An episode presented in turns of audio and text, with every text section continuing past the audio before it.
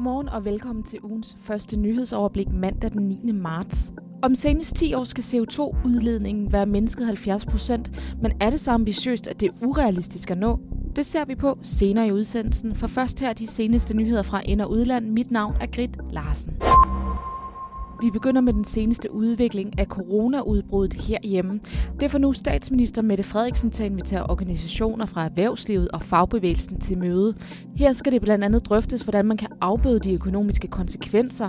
Flyselskaber og lufthavne får færre passagerer, hotelværelser står tomme. Det samme gør restauranter, mens koncertarrangører og sportsklubber enten må lukke færre publikummer ind eller helt aflyse. En del af erhvervslivet er blevet meget hårdt ramt allerede nu. Det udvikler sig dag til dag og nærmest time til time. Det får snibbold effektvirkning også på andre erhverv. Siger den administrerende direktør i Dansk Erhverv, Brian Mikkelsen.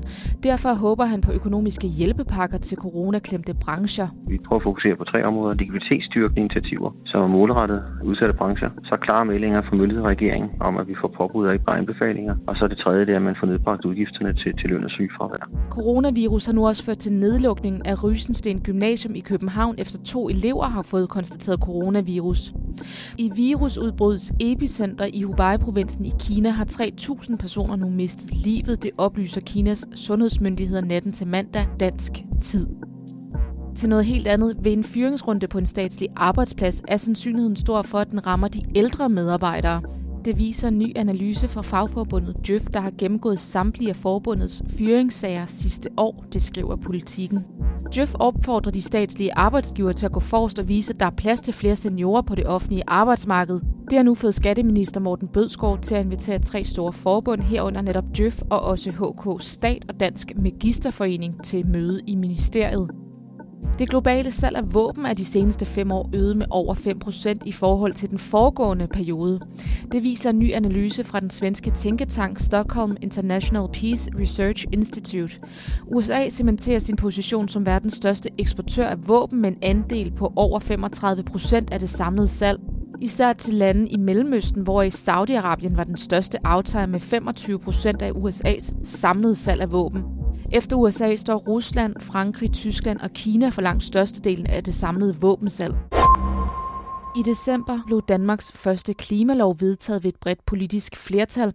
Den forpligter nuværende og alle fremtidige regeringer at reducere CO2-udledningen 70 procent frem mod 2030. Landets uafhængige ekspertorgan Klimarådet rådgiver regeringen, og senere i dag præsenterer Klimarådet så sine hovedkonklusioner og anbefalinger for de næste 10 års klimaindsats her i landet.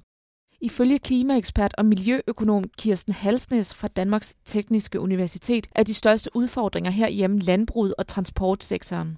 Inden for transport, der er det svært jo det der med, om du kan få udbredt så mange elbiler så hurtigt, som det forudsætter. Det kan jo blive en million eller halvanden million. Det er jo meget hurtigt at skulle få så mange elbiler på markedet inden 2030. Der er jo ikke så lang tid til.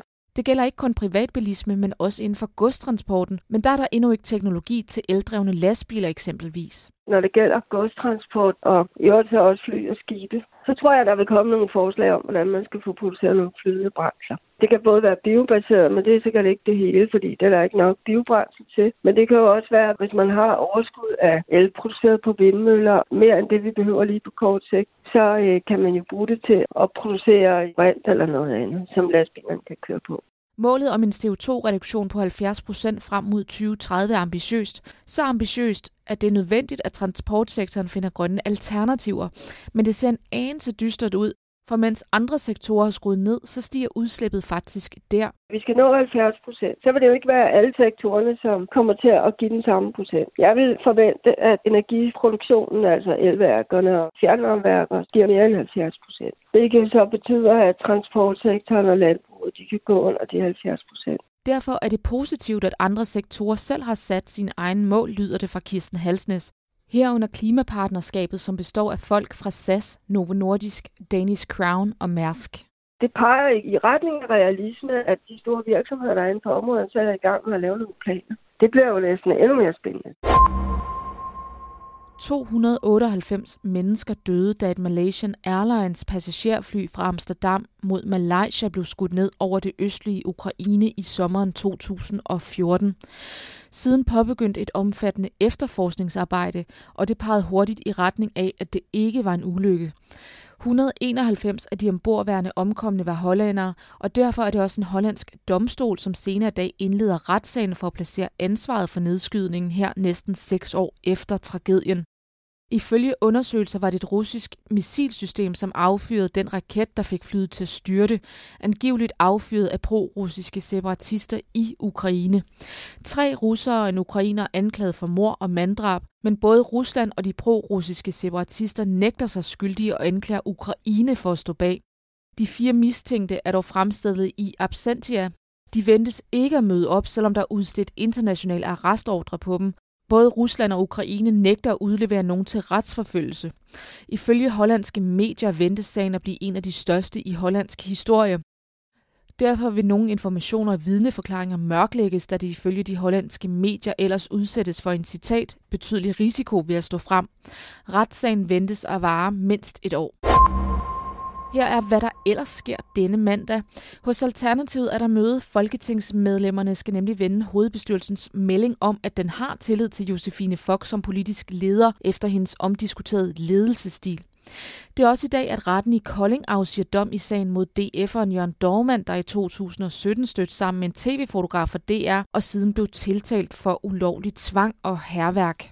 Og så slutter vi i London, hvor Commonwealth Day markeres, blandt andet med en gudstjeneste i Westminster Abbey med deltagelse af den kongelige familie. Det ventes desuden at blive prins Harry og hertugin Megans sidste offentlige optræden inden deres selvvalgte udtræden af den britiske royale familie. Derfra et blik på vejret overvejende skydet med spredte byer, indimellem også lidt sol, og i løbet af eftermiddagen færre byer i den sydvestlige del af landet. Temperatur op mellem 5 og 10 graders varme og let til jævn vind. Du lyttede til ugens første nyhedsoverblik. Mit navn er Grit Larsen. God dag.